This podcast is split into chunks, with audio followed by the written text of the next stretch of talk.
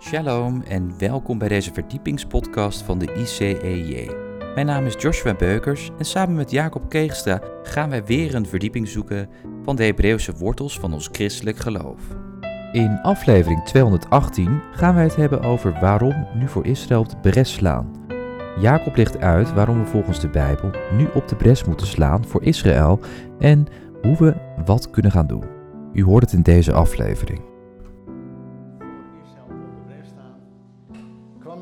Bij een bekend gedeelte. Maar ik weet niet hoe het u gaat. Iedere keer als je een overbekend gedeelte leest, en dat is nu Genesis 12, de eerste drie versen. Gods woord is iedere keer nieuw. En het viel mij op bij de voorbereiding dat er iets stond waar ik altijd overheen gelezen had. Dus ik preek vooral eerst tegen mezelf. En wie weet wordt u ook gezegend. Laten we het gedeelte lezen, Genesis 12, de eerste drie versen. Het gaat over de roeping van Abraham. En Abraham is niet alleen de stamvader van Israël, maar door het geloof in Jezus zijn ook wij kinderen van Abraham. Ja, dus de tekst gaat direct ook hier voor ons. U weet, God is met Genesis 1 goed begonnen. Met het paradijs, Adam en Eva. Dus God zet hoog in. Alleen het ging al snel bergafwaarts. Daarna, dat God er één uitkiest om behouden te worden met zijn gezin. Noach. Begint het weer goed. Alleen het ging ook weer snel rap bergafwaarts. En dan doet God iets nieuws bij de roeping van Abraham. We lezen in Genesis 12, de Heere nu zei tegen Abraham, ga uit uw land, uit uw familiekring en uit het huis van uw vader naar het land dat ik u wijzen zal. Ik zal u tot een groot volk maken, u zegenen en uw naam groot maken en u zult tot een zegen zijn. Dan komt hij, ik zal zegenen wie u zegenen en wie u vervloekt zal ik vervloeken en in u zullen alle geslachten van de aardbodem gezegend worden. Tot zover. Nou, die overbekende tekst, wie u zegent zal gezegend worden, wie u vervloekt zal vervloekt worden. Ik dacht altijd, wie doet het nou? Wie gaat nou Israël vervloeken? Dus ik denk, ja, dat is niet voor mij. Tot nu die situatie met de Hamas en die gaat openlijk Israël verwensen, vervloeken en alles erbij. Toen las ik de tekst in het, oorspronkelijk in het Hebreeuws en toen viel me iets op. En dan wordt voor het woord zegen natuurlijk bracha gebruikt.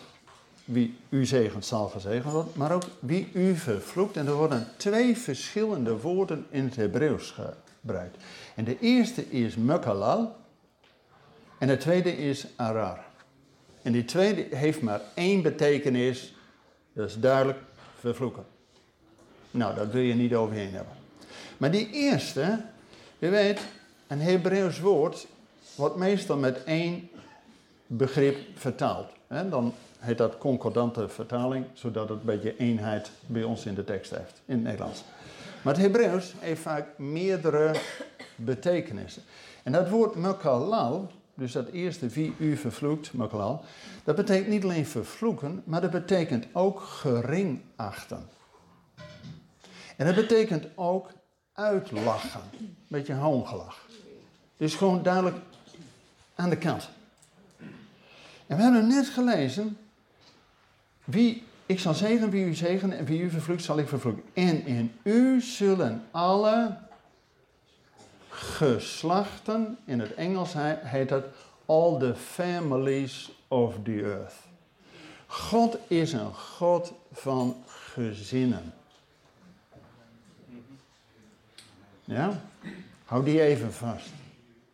Want aan het eind van onze Oude Testament staat dat God herstel geeft binnen gezinnen. Dat hij de profeet Elia zal sturen en die zal het hart van de vaderen naar de kinderen, het hart van de kinderen terug naar de vader. Herstel in gezinnen. Hou die even vast. Want als je dat woord Mukhalal gering achten, uitlachen, dus vooral niet geeft wat Israël toebehoort. We hebben het vorige keer gehad over de geest van Amalek. Dat Israël uit Egypte toog, nog als slaven. En God wilde hen naar de Sinaï brengen om in een koninklijke positie te stellen. Kregen ze ook de tien geboden, de tien woorden, de tien leefregels voor het koninkrijk mee. En tussen dat ze uit Egypte als slaven, voordat ze in een koninklijke positie werden gezet, in de Sinai, is daar Amalek. En die gaat heel sneaky via de achterhoede aanvallen en vooral vrouwen en kinderen. Nou, precies hetzelfde als Hamas. Hè? Er is niks nieuws. Maar toen viel me ineens iets op als je dat woord gering achten, uitlachen. En als het over, over gezinnen gaat, wat Abraham is een zegen voor alle gezinnen, viel me ineens iets op. vooral als het in gezinnen wat fout gaat, dan heb je tussen broers een hoop jaloezie. Nou, en dat komt een aantal keren voor. Want Amalek, de geest van Amalek, komt dus niet zomaar uit de lucht vallen. Dat is al wat eerder voorbereid. Want Abraham kreeg eerst Ismaël. En toen die 13 werd, toen kreeg het Isaac geboren. En Ismaël lachte Isaac uit. Hij hoonde Isaac. En dat werd voor hem noodlottig. Hij werd dus buiten de lijn gezet. Hij werd wel gezegend, tot een groot volk maken. Maar de lijn die God op het oog had om de wereld te zegenen, werd via Isaac. Dus dat was de eerste keer al in een gezin, jaloezie, dat Ismaël hoongelach. De tweede heb je weer een generatie verder. heb je het over Jacob en Esau. Dan weten we heel duidelijk dat Esau achtte de zegen van God gering. Hij had liever een bord linzensoep dan de zegen van God. En later, toen hij tot berouw eh, kwam, was er geen plek meer voor. Dus het was onomkeerbaar. Hij had zichzelf buiten spel gezet, buiten de lijn. En dat was omdat hij alles van God gering achtte, mokalal. Kijk, en dan is het ook niet zo moeilijk om te zien dat de kleinzoon van Esau was Amalek. Maar even nog over Ismaël en over dus die eerste generatie. Ismaël en Isaac zijn wel verzoend op het eind. Hoe weten we dat?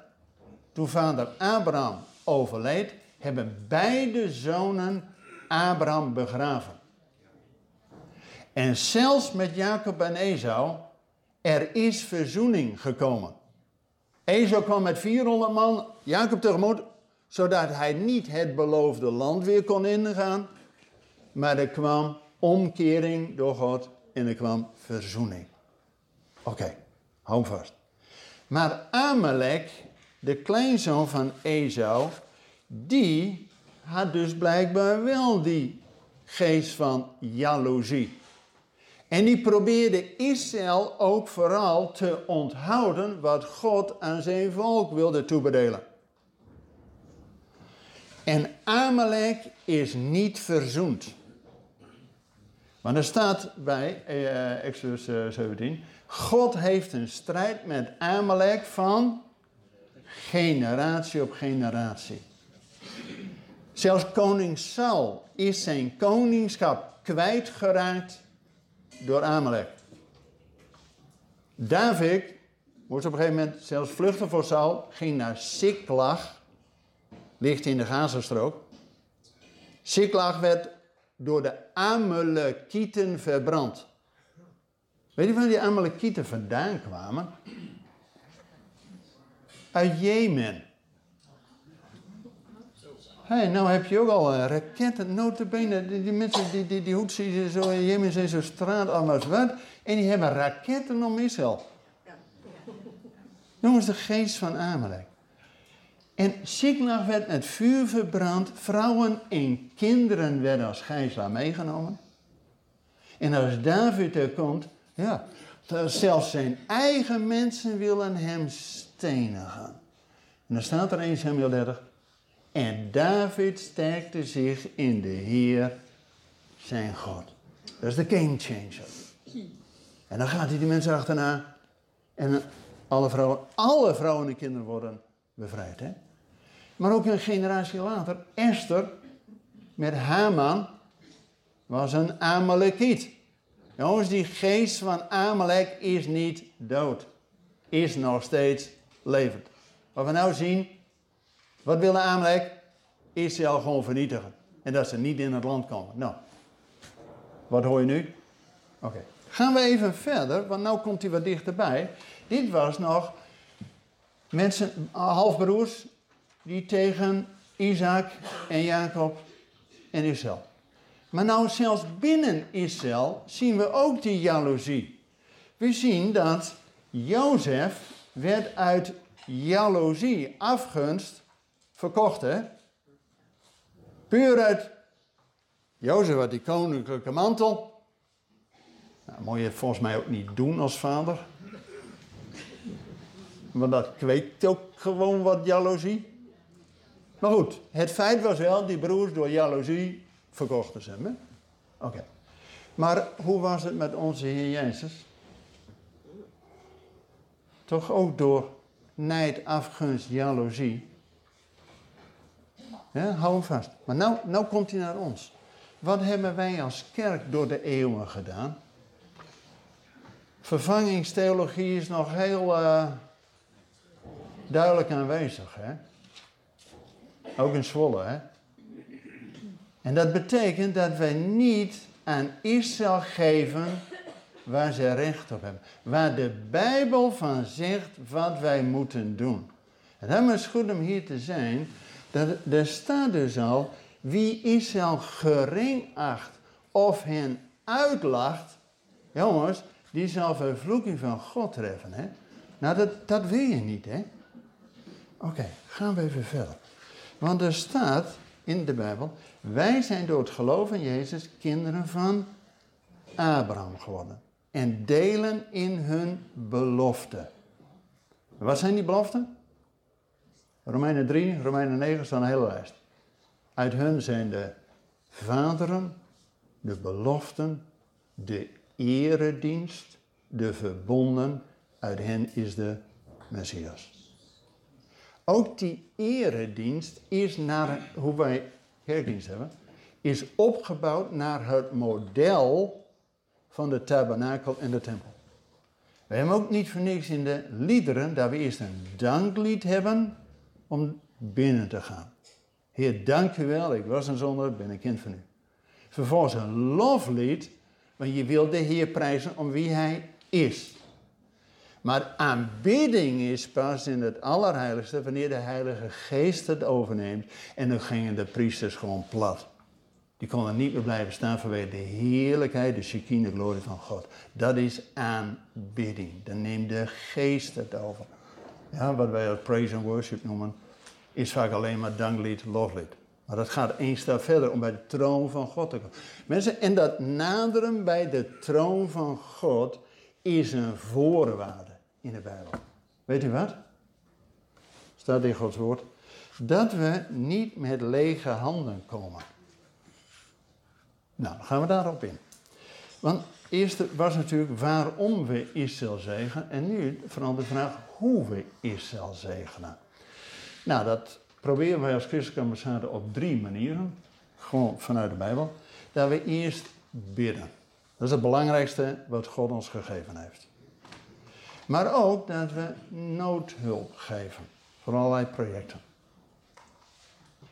En waarom, waarom doen we dat nou? Wat heeft het nou voor zin? Is het nou leuk om, uh, als je wat geld over hebt, dat je dat doet? Of zit er een bijbelse onderbouwing achter? Ja? En de derde is ook dat we solidair zijn. Dat we zeggen dat we dus niet wegkijken, maar ook onze mond open doen wanneer het over Israël gaat. Nou, en vooral dat tweede, van waarom zou je überhaupt iets geven voor Israël? Nou, wat we net hadden, dat we naderen tot God om uiteindelijk in die aanbidding bij God te komen. God heeft een voorwaarde. Dat je niet met lege handen komt. Dat staat niet alleen in de Torah, de wet, Deuteronomium 16. En dat doet Israël, hè. We kunnen een hoop leren van hen. Zij doen barmhartigheid aan de armen. Waarom? Op basis van deze tekst. Dat je niet met lege handen komt en je wilt bij het aangezicht van God komen. Nou, en dat staat niet alleen in de Torah, maar er staat zelfs in de profeten, Isaiah 60, dat eenmaal het vermogen van de volkeren zal naar Israël komen. Zo. Zo. Zelfs de rijkdom van de zee. Nou, eh, jongens, Israël heeft nou eh, al die gasvoorraden in de zee. Noem het maar. Oké. Maar goed, nu gaan we even wat vooral voor ons van belang is. Dat is een principe.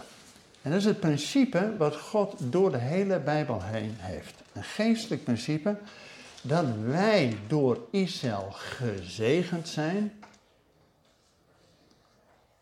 En dan zegt God, jongens, dat is net zoals in de economie. Hè?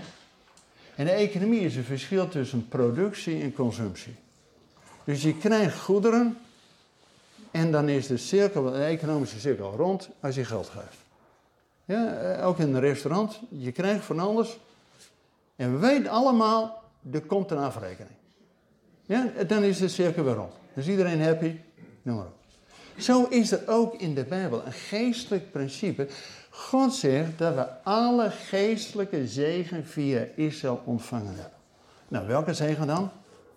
Heb ik al? Gods woord hebben we via Israël gekregen. 40 Joodse schrijvers heeft dat voor ons opgeschreven. Er was nog geen Nederlander bij. Anders was het commentaar langer geweest dan de tekst. De tweede is, ook Gods Zoon hebben via Israël gekregen. Direct Matthäus 1, Nieuwe Testament, begint ermee. Drie keer veertien geslachten, 100% Joods. Ook de Heilige Geest, uitstel van Heilige Geest, handelingen 2, Pinksteren. Die 120 in die bovenzaal. Nou, we zijn nu ook 120 mensen. Dat waren alleen maar Joden. Hè? De eerste niet-Jood komt pas acht hoofdstukken later, handelingen 10, met Cornelius. En heeft God nog een visioen voor nodig ook, om Petrus te overtuigen.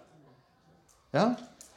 Oké, dus de Bijbel zegt dat wij alle zegen via Israël ontvangen hebben. Gods woord, Gods zoon en Gods geest.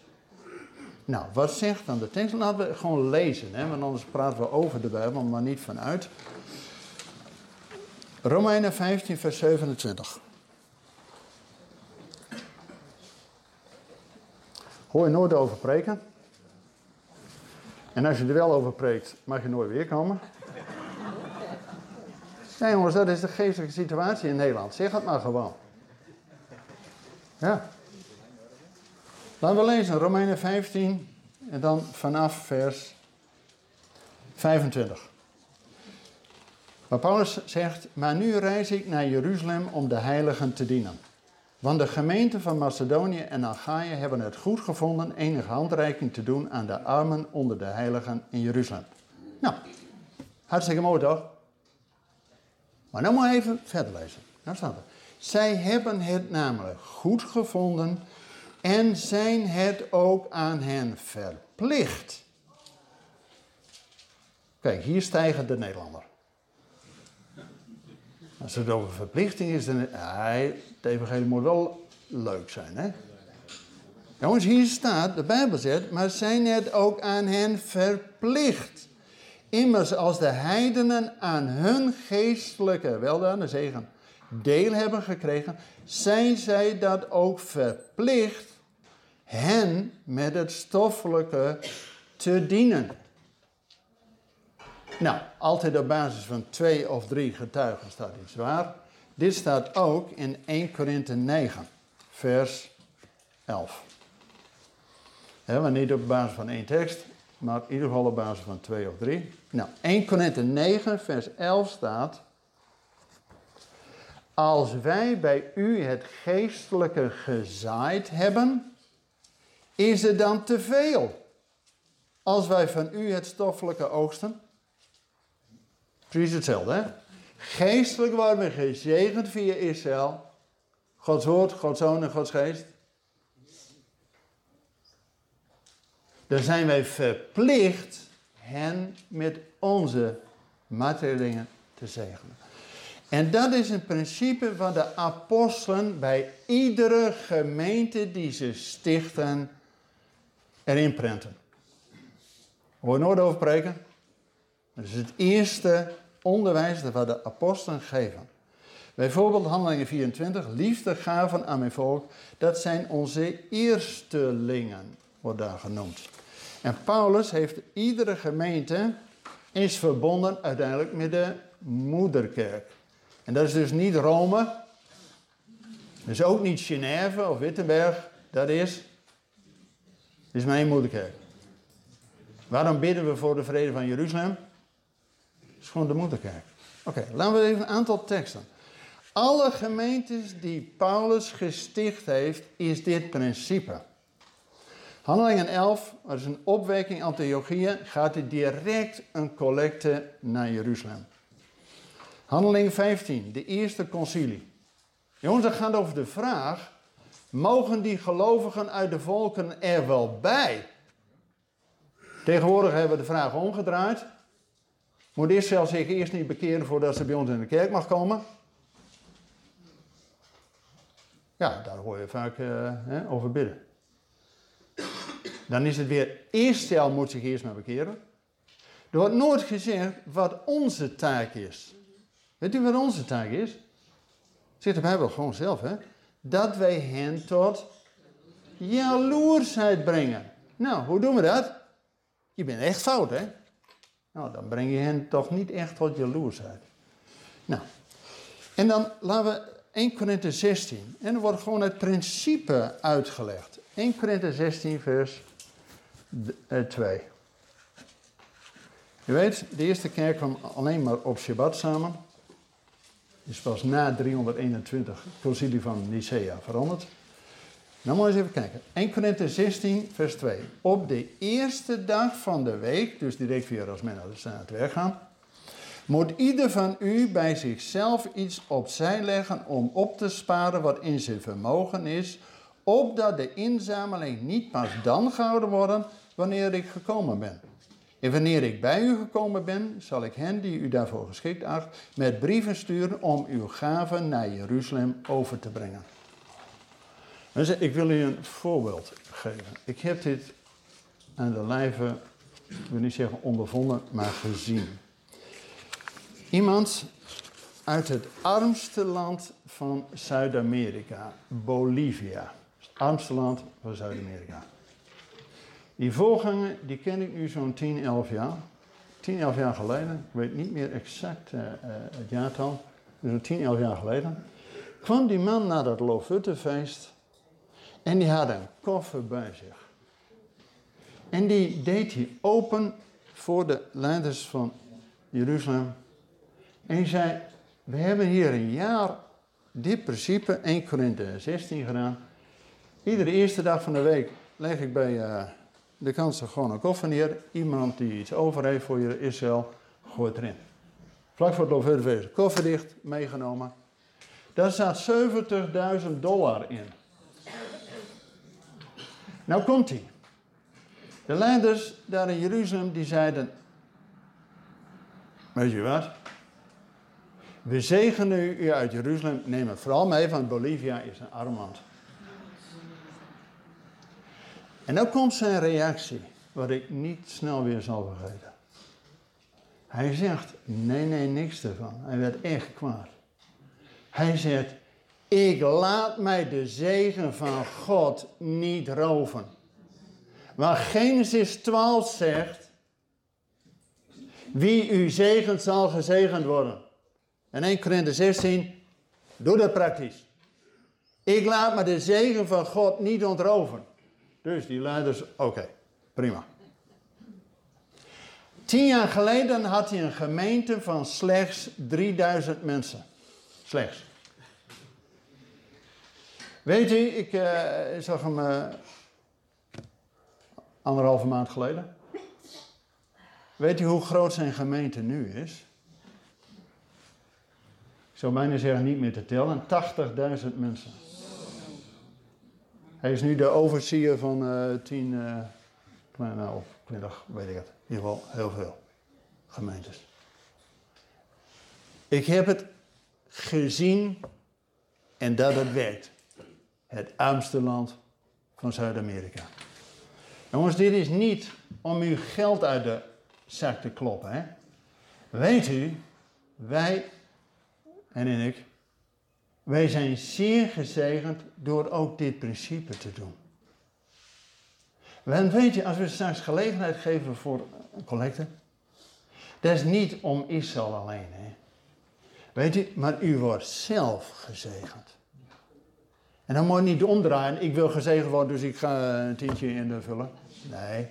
Jongens, als je bidt en als je gelooft wat je bidt, dan vloeit de rest eruit voort. Ook bidden en lofprijzing is uit dankbaarheid. Ja, wie kent de catechismus nog? Ja. De tien geboden is pas in het boek der dankbaarheid. Als je de verzoening gaat hebt, dat je uit dankbaarheid iets mag geven. Ja? Gaan we verder. Want kijk, wat doen wij dan ook precies? En Henny zal straks het gebed ook inleiden. In corona waren we al ineens op Zoom en op Teams om iedere week met Israël verbonden te zijn. Sinds 7 oktober dat we iedere dag bidden. Wereldwijd, hè? De server staat op de Olijfberg. Iedere middag van 3 tot 5 Nederlandse tijd bidden we. En dat doen 1500 mensen iedere dag aan mee, hè? Zo geweldig. Vervolgens ook iedere maand dat we, en dan hè, iedere land een uur en dan weer het volgende land. Dat gaat ook continu, 12, 13 dagen continu door. Bidden voor vrede van Jeruzalem. Ook voor openbaring in het Midden-Oosten. Maar weet u, als je voor Israël bent, ben je niet tegen de Arabieren. Want ook Ismaël werd gezegend. Ook Esau werd gezegend. Maar die hadden verzoening. Het is alleen die geest van Amalek die nog verzoend moet worden. Weet u? Ook binnenkort, en dat gaan we volgende week weer doen, is wereldwijd uitgeroepen, als we die uh, gewoon even stilzetten. Misschien moeten meer mensen even checken om uh, dat we even zacht zetten. We hebben uh, vorige week drie dagen vasten gehad, zoals Esther. Weet u, die geest van Amalek is niet te bestrijden met alleen wapens. Want die Esther tegen Haman, een Agagiet, de koning van Amalek, die wist dat het een geestelijke strijd is. Die Haman ging op een gegeven moment het lot werpen wanneer hij de Joden kon vernietigen. En dat is dus niet even een paar dobbelstenen in de lucht gooien en kijken wat eruit komt. Jongens, dat is puur occult gebeuren. En wij strijden niet tegen vlees en bloed, maar tegen de. Oké. Daarom moeten wij onze positie één stap hoger hebben. Boven al die geestelijke toestanden in de hemelse gewesten. Maar wij kunnen, en de Bijbel zegt dat heel duidelijk, Hebreeën, dat wij met vrijmoedigheid door het offer van Jezus, met vrijmoedigheid tot de troon der genade komen. Dat is het hoogste. Zodat God zijn engelen uitstuurt. En dat hij ons beschermt met die geestelijke wapenrusting, zodat we niet onderuit gaan. Want de tegenstander, we kunnen hier bidden, je bent nog niet thuis, of de tegenstander zit ook bij jou achter op een fiets. Hè? Dus wapen je. Nou, en ook komende weekend, volgend weekend, je uitgeroepen tot drie dagen vasten zoals koningin Esther ook deed. En dat kunt u zelf kijken. Ik laat alleen de koffie staan of alleen het ontbijt niet of echt drie dagen geen eten en drinken. Dat is afhankelijk hoe je kunt en wat ook medisch verantwoord is. Maar de rabbijnen Israël, hebben de christenen gevraagd. Jongens, dit is voor het eerst, hè? Dat vanuit Israël en wereldwijd rabbijnen aan christenen gevraagd hebben: bid mee en vast mee. Jongens, als wij geloven dat Jezus de scheidsmuur tussen Jood en niet-Jood heeft opgeruimd, de ene nieuwe mens, Efeze 2, dan is dit toch de kans om ook aan Israël te laten zien dat wij geestelijk achter hem staan. Wij krijgen als christelijke ambassade vragen vanuit Israël. Hoe kan dat nou dat in Europa zijn er allemaal manifestaties pro-Israël door Joodse groepen georganiseerd. Er zijn heel veel pro-Palestijnse demonstraties door de andere club georganiseerd.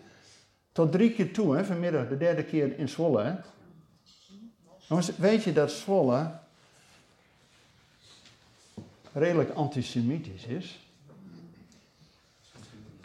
Het is gedocumenteerd, hè, wat ik zeg.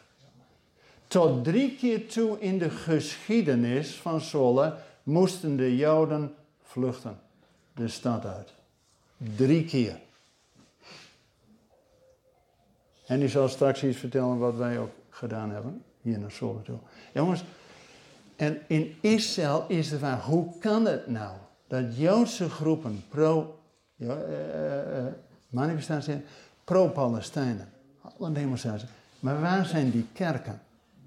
We kijken weer allemaal de andere kant op. Hè? Het is net als in de Tweede Wereldoorlog. Ach, het is ver van je. Nee, want de strijd daar, u ziet het, is ook hier. Hè? Jongens, ook hier wordt van alles geroepen. Weet je wat de luis van die, ik durf hem niet te noemen. Het is dus niet Allah is groot. Hè? Dat is niet hun, nee, nee, dat gaat helemaal Hun roep is, Allah is groter. Dat is tegen de Joden en de christenen. En dat is niet alleen op de tempelplein dat er uh, zo'n koepel is, God heeft geen zoon. Maar Joden en christenen worden door hun als honden en apen betiteld. En ze hebben heel duidelijk een strategie. Eerst de zaterdagmensen en dan de zondagmensen. Dus denk niet dat die strijd daar is, ver van je bedshow. Jongens, wij zijn geestelijk verbonden en dat weet die tegenstander beter dan wij. Wij moeten wakker worden. Want het gaat over al onze joods-christelijke normen en waarden. Wij dienen een God van het leven. Zij aanbidden de dood. Ja, dat is een compleet ander iets. En daarom zijn we dus niet alleen waar we bidden, dat we geven, maar dat we ook solidair zijn. Dat we onze mond niet dicht houden als het nodig is. Dank u wel voor het luisteren naar deze verdiepingspodcast van de ICEJ. Waardeert u onze podcast? Steun ons dan. Dat kunt u doen door een donatie of door deze podcast te delen met uw vrienden of familie. Ga hiervoor naar icej.nl. Dank u wel voor het luisteren en tot volgende week.